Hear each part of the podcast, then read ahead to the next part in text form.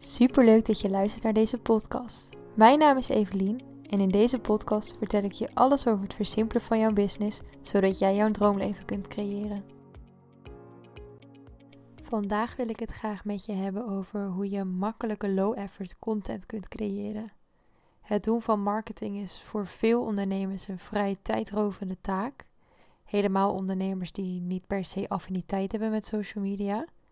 En toch is het vaak wel een belangrijk onderdeel van je marketing.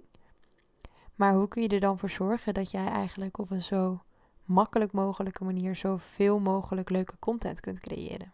Allereerst wil ik beginnen met dat het niet hoeft. Je hoeft niet zoveel mogelijk content te creëren. Dus als jij het gewoon niet leuk vindt om heel actief te zijn op social media, dan ben ik de laatste die zou zeggen dat dat is wat je moet doen.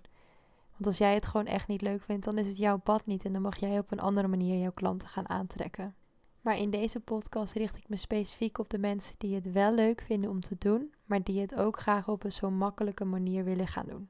Een manier waarop je niet heel veel tijd kwijt bent aan het creëren van je content, zodat je meer tijd overhoudt om in en aan je bedrijf te werken. De allermakkelijkste manier die er is, is vastleggen wat je op dat moment aan het doen bent. En dit is een hele leuke manier om een kijkje achter de schermen te geven. Mensen vinden het namelijk superleuk om te zien wat jij als ondernemer in je dag doet. Zelfs als jij denkt dat het niet interessant is voor een ander. Het is namelijk zo dat door een kijkje achter de schermen te geven, jouw potentiële klant het gevoel heeft jou beter te leren kennen. Dus wanneer jij bijvoorbeeld deelt dat je op dat moment aan het sporten bent en zo meteen gaat beginnen met het creëren van een nieuwe dienst bijvoorbeeld, dan vinden mensen dat alleen maar leuk om te kunnen zien. Of jij wandelt graag met je hond, dus je deelt dat je op dat moment even ertussenuit bent gestapt om lekker met je hond te gaan wandelen. Mensen gaan aan op dat soort dingen. Mensen voelen een soort van binding door, door die momentjes die jij dan deelt. Het is namelijk zo dat er waarschijnlijk heel veel ondernemers zijn die eigenlijk hetzelfde doen als jij.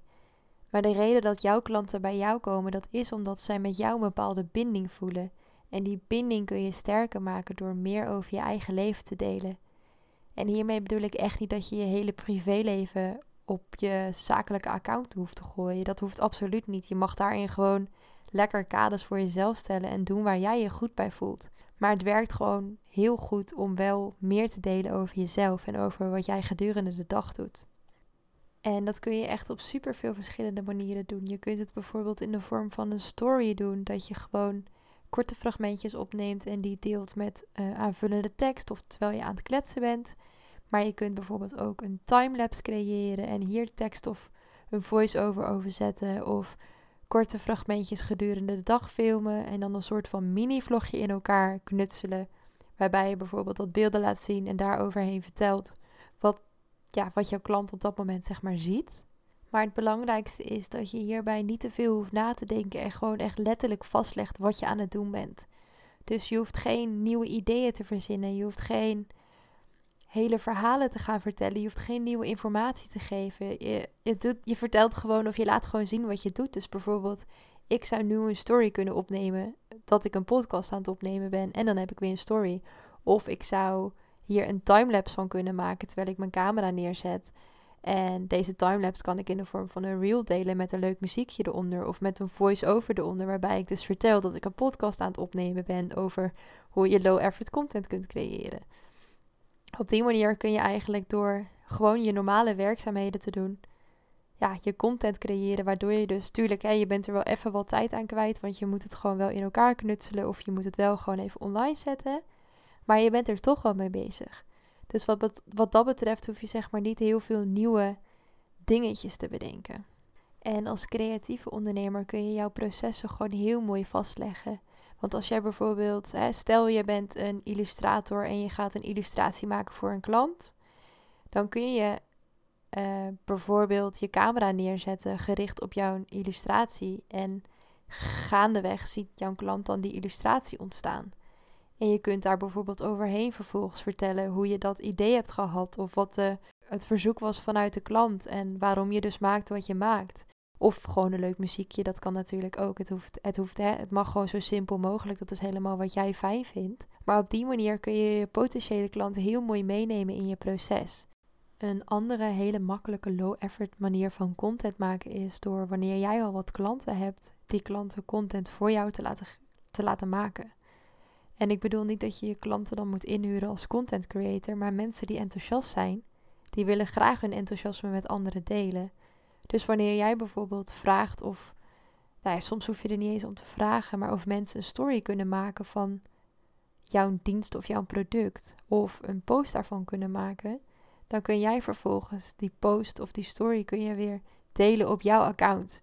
Dus op die manier geef je niet alleen maar jouw klanten een podium, maar op die manier creëer je ook nog eens social proof. En social proof is zeg maar een sociaal bewijs voor andere mensen. Dus een bepaald bewijs dat jij goed bent, dat jij goed genoeg bent.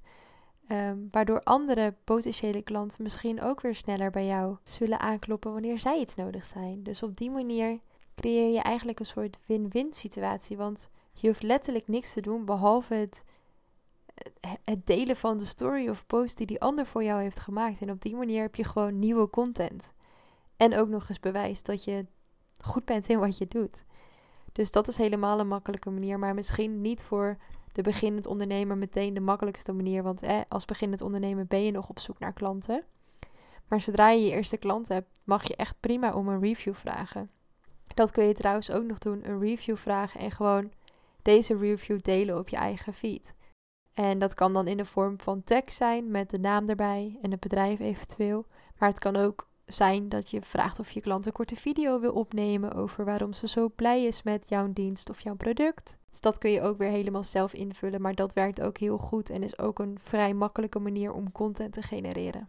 Een derde manier waarop je ook heel makkelijk content kunt genereren is door je publiek te vragen wat ze willen zien.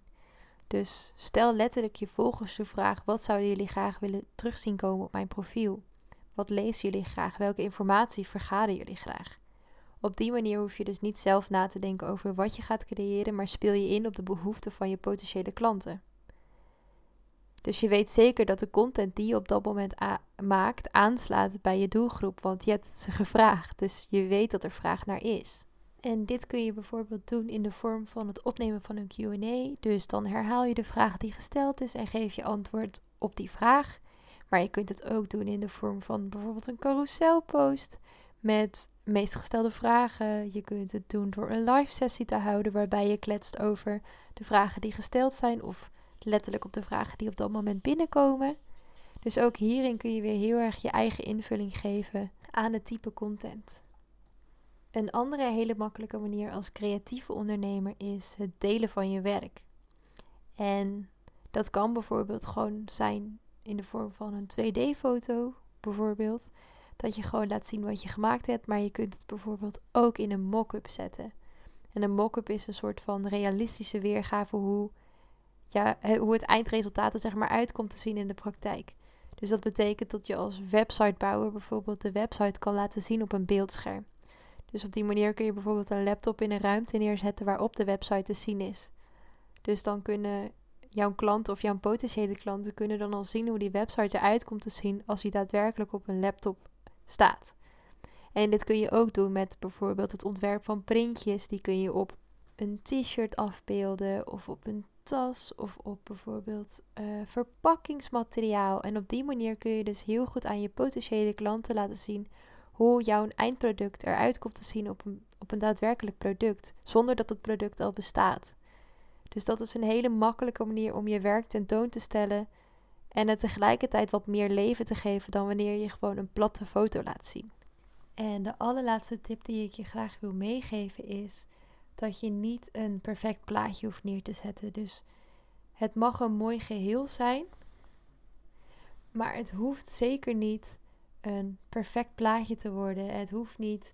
Het is niet zo dat je bepaalde content moet weglaten omdat het anders niet in het plaatje thuis past.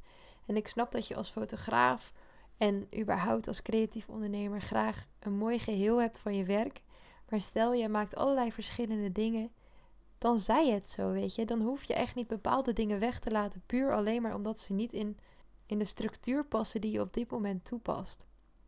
Ik denk dat dat wel een van de grootste dooddoeners is van creativiteit. En daarom zou ik je echt willen adviseren om dat stukje los te laten. En als je dan toch graag een geheel wil hebben, dan kun je er altijd voor kiezen bijvoorbeeld om uh, met carouselpost te werken. En dan kun je er dus voor kiezen om de eerste afbeelding te laten aansluiten bij de rest van je feed. En dan vervolgens de volgende afbeelding bijvoorbeeld je daadwerkelijke foto te laten zijn. Maar wees je daarbij wel gewoon bewust dat niet iedereen dan dus de juiste foto te zien gaat krijgen, omdat niet iedereen je carousel doorbladert. Dus daarin moet je wel gewoon, ja, daarin moet je voor jezelf dan die keuze maken of dat het waard is. Maar als je merkt dat je gewoon uh, bepaalde dingen niet, niet aan het plaatsen bent, puur omdat je het idee hebt dat ze niet in je geheel passen, dan kan ik je echt alleen maar adviseren: laat dat los. Tuurlijk zijn er mensen die je feed in zijn geheel bekijken, maar als ik kijk naar mezelf, dan haak ik niet af bij iemand die een zogenaamd rommelige feed heeft. Puur alleen maar omdat die feed die gaat me gewoon niet zoveel aan. Ik ben op zoek naar jou als persoon en naar hoe jij bent en wie je bent en naar wat je maakt. En ja, die feed die staat los van het werk wat je voor mij gaat creëren. Dus ik ga je niet inschakelen wel of niet op basis van hoe je feed eruit ziet. Dankjewel voor het luisteren. Als je deze aflevering interessant vond, deel hem dan vooral even op je Instagram en tag mij, evelien.vdploeg. Mocht je meer willen weten, neem dan een kijkje op mijn website, evelienvanderploeg.nl. En tot de volgende keer.